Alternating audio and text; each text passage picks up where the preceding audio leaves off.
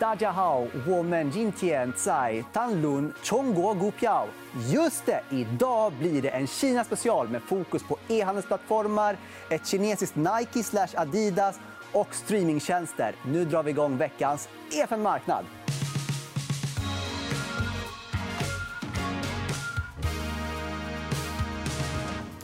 För att prata om kinesiska aktier så har jag bjudit in Yining Wang från Nordic Asia Group. Tackar. tackar. Tack. Eh, ja, händelserikt år kan man säga för Kina. Absolut. började lite skakigt, sen har de återhämtat sig en hel del. Ja, absolut. För att, eh, om man tittar på hela året, året har ju varit eh, präglat av eh, covid-19. Och, eh, det börjar ju egentligen i Kina. För jag minns ju väldigt väl den 23 januari. Då satt man där på New Year's Eve-middagen med hela familjen. och Då såg man på tv hur man stängde ner Wuhan eh, den 23 januari. Men eh, sen så har man ju stängt Wuhan under liksom en 76 dagar i sträck. Så det är en stad med 11 miljoner invånare stängde man för 76 dagar i sträck. Men därefter så har man ju hanterat hela covid på ett väldigt bra sätt. Så nu ser vi ju en eh, återhämtning i Kina som börjar accelerera ännu mer. Och om vi spolar framåt tiden. Nu i stunden vi spelar in så är Singles Day en stor, stor handelshögtid i Kina. Absolut. Eh, snart avslutad. Ehm, hur har det gått? Det brukar alltid vara helt galet varje år. Ja, absolut. absolut. Så att, ehm, um, Singles Day, det, just det här året är kanske ännu lite mer speciellt för att det finns mycket pent-up demand. Under hela året så har, man ju, har ju covid präglat ekonomin under en längre period. Så därmed så eh, under det här precis, nu har man sparat ihop sig rätt mycket för några stora köp. Um, så att i genomsnitt så var det cirka 30 av användarna som hade budgeterat för över 5 000 per handel just på Singles Day. Eh, och eh, I år så ökade tror första timmen så ökade försäljningen med 40% gentemot föregående år. Eh, och förra året så sålde man för totalt 38 miljarder USD-dollar. Så det är stora belopp. det här. Och för att få någon, så här, någon form av perspektiv så har vi en graf där vi jämför enbart Alibabas försäljning på Singles Day mot mm. USAs hela försäljning på Black Friday och Cyber Monday. Och det är ju knappt nåt race överhuvudtaget längre. absolut. absolut. Om man eh, tittar på lite historiken på Singles Day så egentligen, Singles Day började egentligen ja, i ett universitet 1993. Och anledningen det heter Singles Day det är ju 11 11 11. Det är 111 och det är egentligen för en dag för man skulle fira de som är singlar. Eh, så därmed så egentligen så, första eller Singles Day var ju mycket mer man skulle dejta, man skulle träffa någon annan på just den här dagen. så att man hade många grupper med, med blind dates. Men sen 2019 då tog ju Alibaba över Singles Day och gjorde om det här till en shoppingfestival för alla singlar istället. Så 2011, där, som du ser på grafen, då, då var ju totala försäljningen under 1 miljard USD-dollar.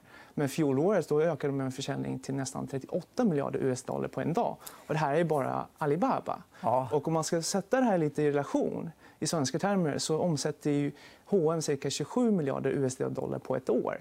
Så det här Singles Day, bara Alibabas plattform själv omsatte ungefär 140% av uh, H&M's årliga försäljning fast på en dag. Ja, det är helt galet. Uh, vi ska, det är det här som är så kul idag. för Vi ska ju faktiskt prata om e-handelsbolag och e-handelsplattformar. Mm. Men det är mer än bara Alibaba.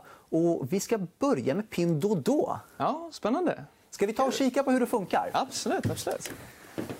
Okej. Okay. Eh, vi kan börja med att Pinduoduo som är som störst som en app eh, i Kina. Mm. Och, eh, då börjar det här borta. Det ser ut som vilken annan e-handelsapp som helst vid första anblick. eller hur? Absolut. Absolut. Eh, och det man kan säga liksom, om Pinduoduo och e-handel i Kina, vilket vi kommer in i ännu mer, det är att det finns ju egentligen bara tre stora plattformar. Det finns ju Alibaba, det finns ju JD och sen så uppstickaren Pinduoduo. Och det Pinduoduo har gjort lite mer unikt det är att de har tagit egentligen group, group buying, så det är lite mer groupon men även gjort det väldigt bra när det gäller det sociala. Så du kan säga att det är ungefär som man kombinerar Groupon för deals men inkorporerad i WeChat. Eller i men WhatsApp. någon social shopping. För går ja, vi till andra bilden här mm. så ser man en ganska intressant bild. tycker jag. Ja. Eh, det är att priset för eh, den här kavajen är eh, två stycken. Det finns ett normalpris på nästan 900 kinesiska yuan. Ja. och ett grupppris på 139 kinesiska yuan. Så att det är en enorm, enorm rabatt om man köper i grupp. Absolut. Och hela eh, liksom, affärsmodellen med Pinduoduo det handlar om att aggregate demand. och sen så aggregates eh, eh, supply fast på ett fåtal SQR. Eh, och det är så som man kan driva effektiviteten i hela systemet och sen så ge de här enorma rabatterna på group buying. Så om man ser lite grann hur det fungerar så är det så att om man gillar just den här kavajen så kan man ju köpa till normalpris. Men det är ju inte så smart. Betala det. Men så kan man också köpa för det här grupppriset på 140, eh, 139 CNY. Då. Men för att trycka på grupppriset då, då får man ju eh, egentligen, då måste man ju få till x antal köpare på en gång för att man ska få de här 140 eh, priset. Då. Så därmed så, när man trycker på grupppriset kan man inte köpa den på en gång utan då måste man mer eller mindre dela det till sin vän för att man ska kanske få tio stycken som köper det här. Och då, när man gör, trycker på den knappen då kan man dela den och det man delar det, då delar man det via WeChat.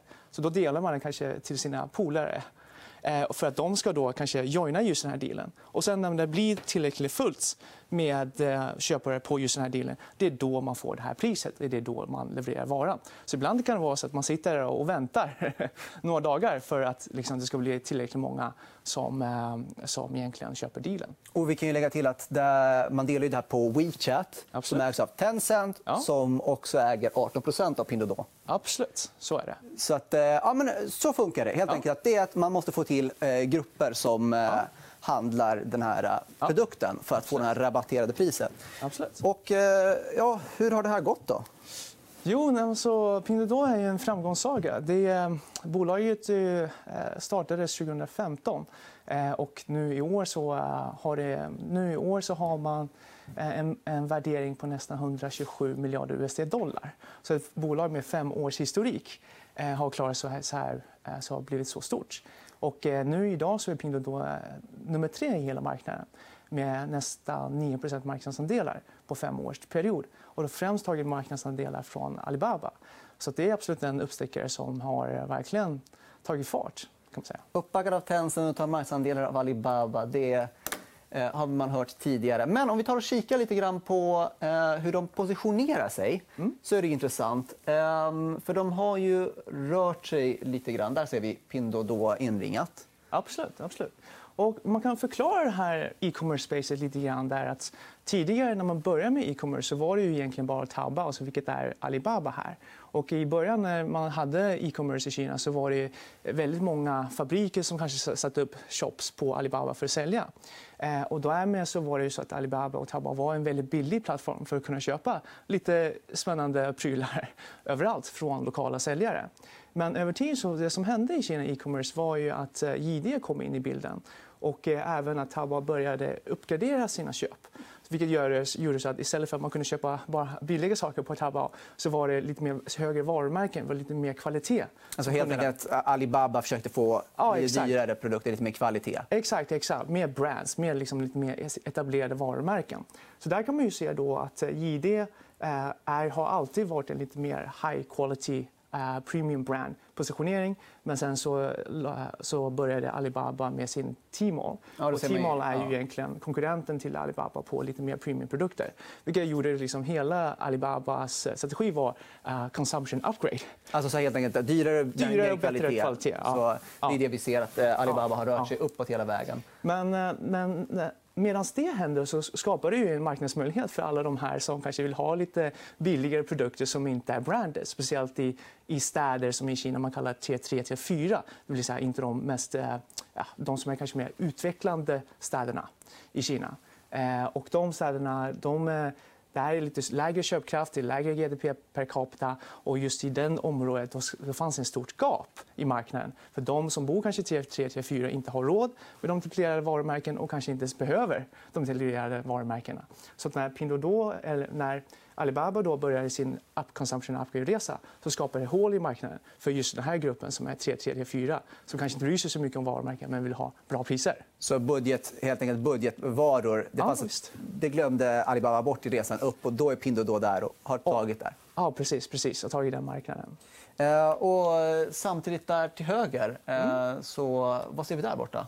Ja, och det är egentligen samma sak egentligen där när man ser i tier 3, tier 1 och tier 2, de här liksom Shanghai, Shenzhen, de stora städerna med hög GDP per capita. Det är ju kanske de som är fokusområden för eh, Alibaba och även för JD. Och sen så har du eh, Pinduoduo som egentligen täcker mycket mer de här tre, tre, fyra eh, städerna.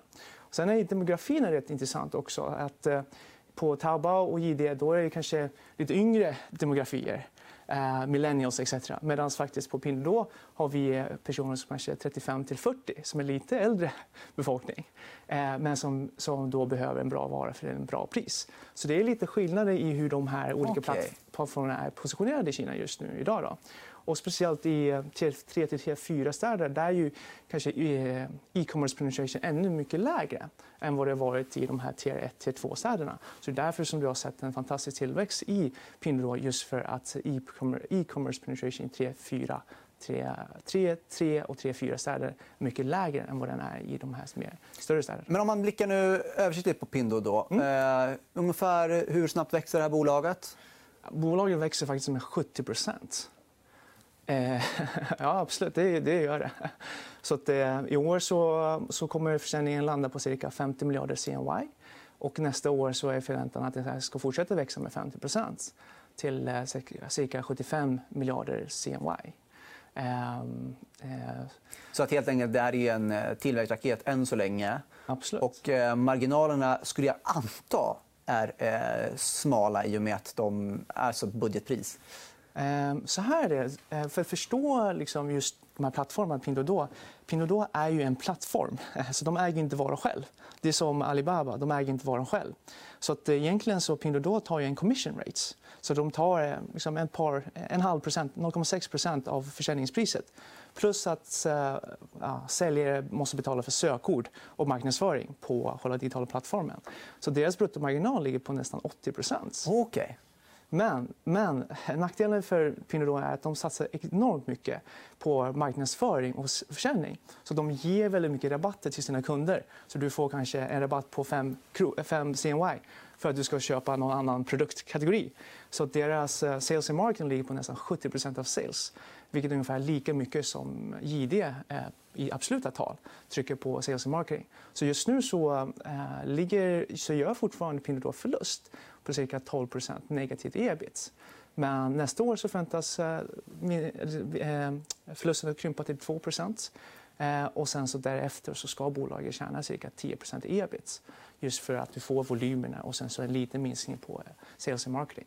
Men okej, vi har pratat om Pinduoduo, ja. där vi budgetsegmentet och så vidare. Ja. Ja. Nu tycker jag vi går vidare till dess motsats lite grann. Absolut. Eh, JD.com. Och återigen, det är kanske ett, ingen här i Sverige som hört talas om, men det är också jättestort och vi har varit lite inne på det. Där är det mycket mer high-end. Ja, absolut. Så att, uh, om man kikar lite på JD eh, så kan man faktiskt säga att eh, uh, JD har en helt annan affärsmodell gentemot de andra plattformarna. Så att, eh, Alibaba och Pinduoduo de är ju egentligen en plattform som ämnar andra brands att sälja på plattformen och äger ingen lager. Men skillnaden i JD är att JD äger egen lager. Så att eh, JD köper all goods, de har sitt eget varuhus och så har de också en helt egen intern logistik. Så de äger hela kedjan, så de är mycket mer direct sales mm. av e-commerce gentemot de andra som är mer liksom en plattform som enablar andra. Och jag antar att tanken till att ha all den här inventoryn, att ha det här lagret, är för att ha bättre kontroll på produkternas kvalitet? Absolut. För du, är ju, uh, du som JD är ju ansvarig för kundnöjdheten ända ut till slutkunden. Så när det gäller kvalitet, order och kundnöjdhet och återhämtande besökare på din plattform så äger ju JD hela den varukedjan. Vilket betyder att man måste Eh, oh, man måste sköta sig ännu mer. Medan på Alibaba så kanske finns många olika säljare eh, och därmed så kan inte Alibaba kontrollera hela liksom, värdekedjan ut till slutkund. Och, eh, I JDs fall så är egentligen affärsmodellen verkligen att sälja eh, high quality branded products. Eh, och just för att de äger hela produktleveransen så måste de också minska returerna. Och då måste det vara bra kvalitet på produkterna och även att de här produkterna ska vara liksom branded, de här etablerade varumärkena. Och eh, det som utsärskiljer ID väldigt mycket är att de har helt egen logistik vilket gör så att mer än 90% av sina leveranser får du på samma dag eller nästa dag. Oj! Ja, men de har last mile alltså är väldigt viktigt absolut. för ID. Ja, absolut. Och, eh, du ska veta att de har över 240 000 anställda, det här bolaget med 75, eh, 750 varuhus lokalt i Kina. Så de har byggt en enorm logistiknätverk in-house för att kunna göra den här um, customer service, väldigt snabb leverans direkt till kund. Och det är en av deras absoluta största styrkor. Men kan vi inte nämna också att det här är... För vi pratade inför programmet, frågade liksom så här, kan man köpa allt där? Kan man köpa tomat, gurka? Kan man handla mat liksom, på JD och eh, på Pinduoduo? Men tydligen så att man kan det. Det kan man göra. Och speciellt i IDs fall så kan vi faktiskt säga att Walmart är faktiskt en stor investerare i ID. Så Walmart har 10% i id.com. Och på ID så finns en del som heter JD Walmart. Så du kan faktiskt köpa Walmart, eh, frukt och godis och liksom snacks på, Walmart, eh, på ID och få det hemlevererat till ditt hotellrum eller liksom till där du bor. Eh, det funkar absolut smidigt. Men eh, ska vi ta och kanske jämföra då mm. eh, Alibaba, JD och Pinduoduo. Eh, vilken är bäst? Det är kanske den enklaste frågan för en investerare. Eh, vad har du för svar? Eh, ska säga, vi, vi, tittar på hur de är positionerade i marknaden eh, till att börja med så, så, så, att vi har lite bättre förståelse kring det här. Så att om man tittar på de här tre stora drakarna så är det ju så att de här tre bolagen, Alibaba, JD och eh, Pinduoduo totalt äger nästan 90% av hela marknaden. Så den här e-commerce-marknaden i Kina är extremt konsoliderad. Och eh, Alibaba som är first move advantage har mer än 60% av marknadsandelarna. Men eh, den största skillnaden är ju att Alibaba och Pinduoduo är ju plattformarna medan JD är direkt till sälj. Så därmed så kan du säga att eh, JDs affärsmodell egentligen skiljer sig väldigt mycket från Pinduoduo och, eh, och eh, Alibaba. Och speciellt här i JD så kan du också kika på att antalet ordrar är något mindre men värdet per order på JD är betydligt högre. Och i vissa kundsegment, då, till exempel mobiltelefoner och home appliances då går mer än 60% av volymerna från JD och inte så mycket från Alibaba och Pinduoduo. Så det är vissa high-end produktkategorier där man verkligen betalar stora bucks the money. Då går man till JD för det är higher reliability och higher quality. Så man har, man har ett högre förtroendekapital helt enkelt? Absolut. Absolut, absolut. Och, eh, om man då kikar på eh, de här aktierna. Är, Alibaba är ju listade i USA, JD JD är, är listad både i USA och i Hongkong. Och det är ju samma sak med Alibaba också listad i USA och, och Pinduoduo? De är... Pinduoduo är listad i, i Nasdaq i USA endast. Och om du får välja en av de här Aha, bolagen, okay. vilken skulle du välja då? Eh, som investerare just ja. nu? Ja, men jag skulle ändå gå på id.com. Det är så? Absolut. Eh, och anledningen till det, det är, det är så stabilt tillväxt i det bolaget. De växer, har vuxit mellan 23 till 30% år efter år. Och, eh, just nu så eh, ligger marginalen på cirka 2% ebit. Eh, men eh, du vet, ett sånt här företag som växer försäljning får ju starkare marknadspositioner och högre konkurrenskraft. Men även eh, möjligheten att förhandla ner priserna på sina inköp. Så vi tror ju såklart att det här bolaget kan ha ännu högre marginaler, kanske mot 2-4 hur snabbt var det de växte ungefär, Gidia? 25% 25% i dagsläget. Och, eh, och consumption upgrade är ju en trend som kommer att fortsätta. Så att, eh, även om JD nu så finns det 400 miljoner användare vilket är lägre än Alibaba och, och eh, Pinduoduo.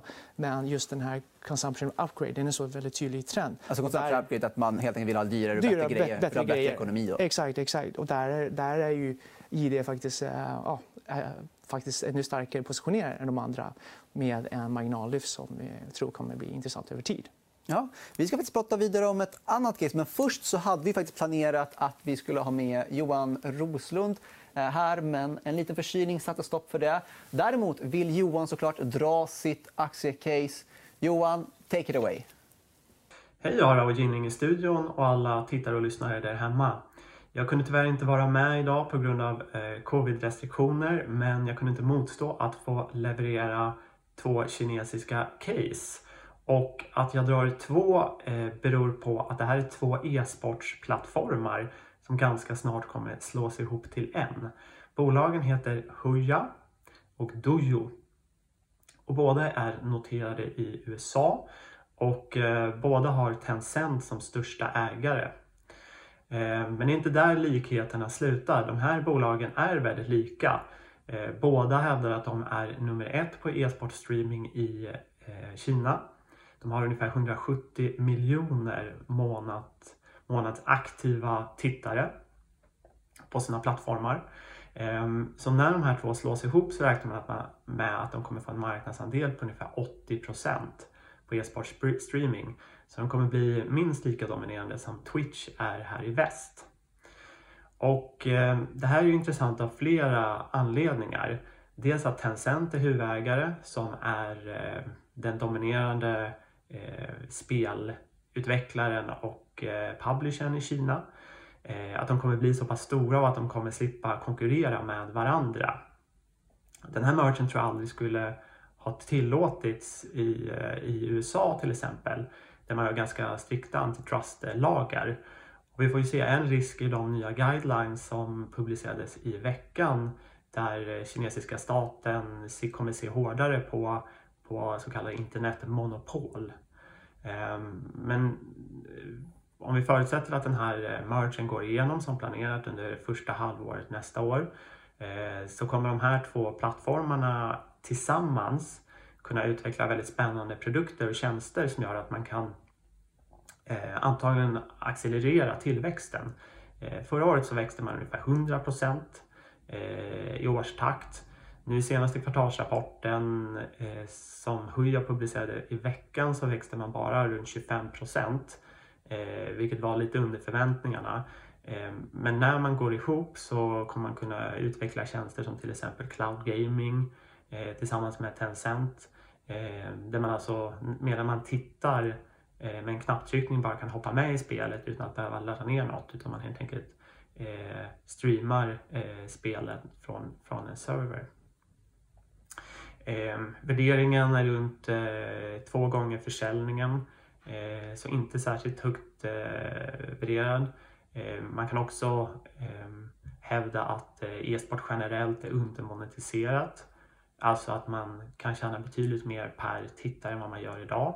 Eh, framförallt när man, när man jämför med, med andra eh, sporter så, så är det en stor eh, skillnad där som, som man kan anta kommer förbättra lönsamheten i de här plattformarna.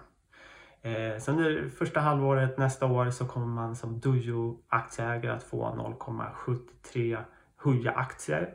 Vilket gör att idag faktiskt är lite mer förmånligt att, eh, att köpa Dujo eh, så länge man tror att den här mergen blir av.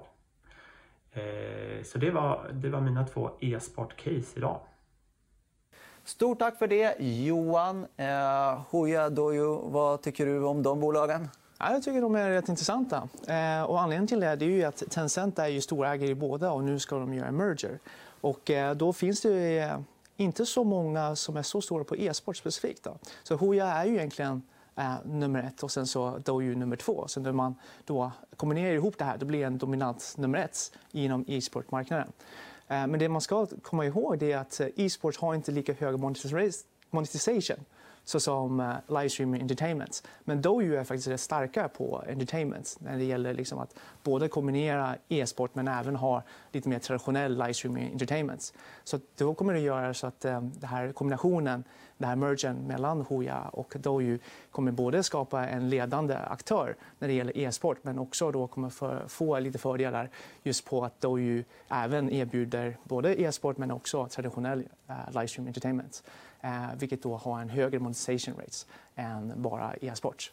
Men nu tycker jag vi lämnar eh, e-sport, e-handelsplattformar där ja. och går på lite, vad ska man säga, eh, märkes... Eh, kvalitets eh, bolag. Vad, vad, ska vi kalla nästa bolag för? Lining? Ja, absolut. Nej, men spännande. Jag tycker allt i Kina måste inte vara teknik utan det finns väldigt många fina bolag, speciellt inom consumption upgrade. Och ett av de bolagen som vi tagit med oss idag är faktiskt bolaget Lining. Och Lining kan man ju säga det är egentligen en Nike of China. Gör det väldigt enkelt. Så Lining är ju en gammal eh, OS eh, Eh, medaljör i Kina och väldigt känd personlighet. Och han, därefter så startade han hans, hans eget klädvarumärke då, som heter just Li Och personen heter också Li Ja. men han är ju som Jordan med Jordan-skor. Michael ja. Jordan har sin egen produktline. Ja. Men det jag tycker är intressant är, jag kollade upp Li ja. alltså idrottsmannen Li Ja, 1984 hade han ett succéår i, inom OS och tog medaljer Eh, om jag inte missminner mig, tre guld, två silver och en brons i gymnastik. Mm. Fantastiskt. Ja. Men det var ett ganska långt tag sen det hände. Och det här företaget han har, det är hyfsat nyligen eh, ändå. Det är inte 30 år gammalt företag. Eh, ja, alltså egentligen företaget har ju funnits under en längre period, så den har ju nästan 20 år på nacken. Men det som har drivit bolaget på senare tid det var att eh, backade ur som ledning eh, under tio års tid. Men han tog eh, över rodret igen 2015. Och det är sen 2015 som vi sett den här nya trenden just att Lining ska bli ett premiumvarumärke som har gjort så att Lining har fått en rejuvenation i hela marknaden. Så man kan säga att det finns ett eh, leaningbolag tidigare och ett efter 2015? Eller du kan säga att man bytte strategi okay. 2015 eh, för att då fokusera på att ha en mycket tydligare marknadsposition för varumärket Li och att man då gick från ett kanske mass market brand till en mer premium brand. Och det är den resan som vi ser just nu. Så att om man kikar lite grann på liksom marknadspositioneringen här. Så att sen tidigare så, i Kina så finns ju de här stora spelarna, till exempel Nike och Adidas. Och de har ju mer än 30% av marknadsandelen i premiumsegmentet. Sen har vi några lokala spelare som är då Lining, Sen har vi också Anta, Xtep, 361 etc. Men det som är strategin nu för Lining det är egentligen att konkurrera mot eh, eh, eh, premiumvarumärkena, liksom eh, Nike och Adidas och att skapa en, en gap mellan de andra eh, lokala varumärkena så att Li ska bli the next premium local domestic brand i Kina mot eh, eh, Nike och Adidas. Och hur har det här gått? då? De vill ju det. Det är många som vill ja, bli liksom varumärket som ja. får betala ett extra premium för. Ja. Så hur ser det ut nu? Jo, men eh, det har faktiskt gått väldigt bra för bolaget. Bolaget har ju växt med cirka 20% per år. Samtidigt strategin för bolaget är egentligen att signa några stora basketstjärnor som jag hade där i bilden. Eh, och sen så för att skapa den här premiumization så har man faktiskt tagit fram exklusiva utgåvor av vissa skor. Men de här exklusiva skorna de, eh, säljs inte så mycket i kvantitet utan det är lite mer liksom, collection eh, en, en, lite mer av en collection sample. Men då sätter man varumärket på en väldigt hög nivå. Så det blir en, nästan som en hunger sale på de här. Så fort de här nya collection kommer ut då finns det ett väldigt stort utbud. Men det är väldigt få som får faktiskt köpa just de. de men det är sån här limited, jätteexklusivt. Alla ja, exakt. Uh, limited edition. Ja. Men sen det man gör därefter det är att lansera kanske de här middle price skorna med samma namn fast liksom inte samma utgåva. Och då får man väldigt höga försäljningsvolymer på den för de är liksom lite mer fairly priced. Ehm, och eh, den strategin har funkat faktiskt väldigt bra. Man jobbar väldigt mycket idag med influencers. Mycket är väldigt aktiv på olika sociala nätverk och jobbar väldigt mycket med eh, Youtubers som beskriver om skorna som har gått via den vägen. Och även så har de en annan del som heter eh, Leaning China China Leaning. Och det är då inte sportdelen, men det är lite mer apparel-delen. Och just på apparel-delen då har man ju varit med på uh, Paris Fashion Week right. med, med de varumärken. Så du ser lite av de delarna där. Så det är en sån här tröja som man kan köpa på Li idag. Det kostar nästan 1000 CNY. Och det är nästan 1300 kronor. Så där, där har man liksom också tagit en positionering att varumärket Lining ska vara en, lite mer av en premiumprodukt. Så man ser att den här produkten är lite av en statussymbol. Samtidigt när man är här i Sverige, i alla fall innan corona, så kunde man ha köer av kinesiska turister som ska in och handla Gucci, och Dolce Gabbana och så vidare.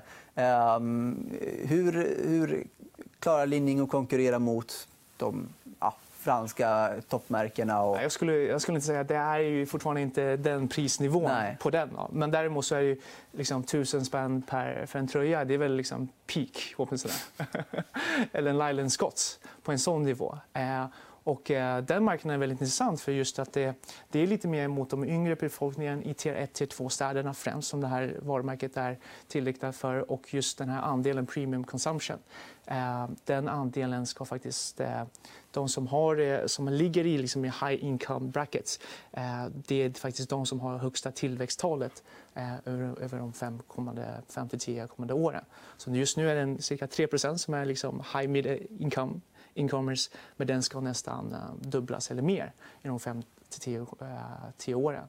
Så att just den här populationsgruppen som vill ha liksom, lite mer luxury, eh, luxury, consumption eh, i de här segmentet har en högre tillväxttakt än snittet i, i Kina. Eh, och, eh, ja, och Li Ning är ju liksom det sportvarumärke som sticker ut där.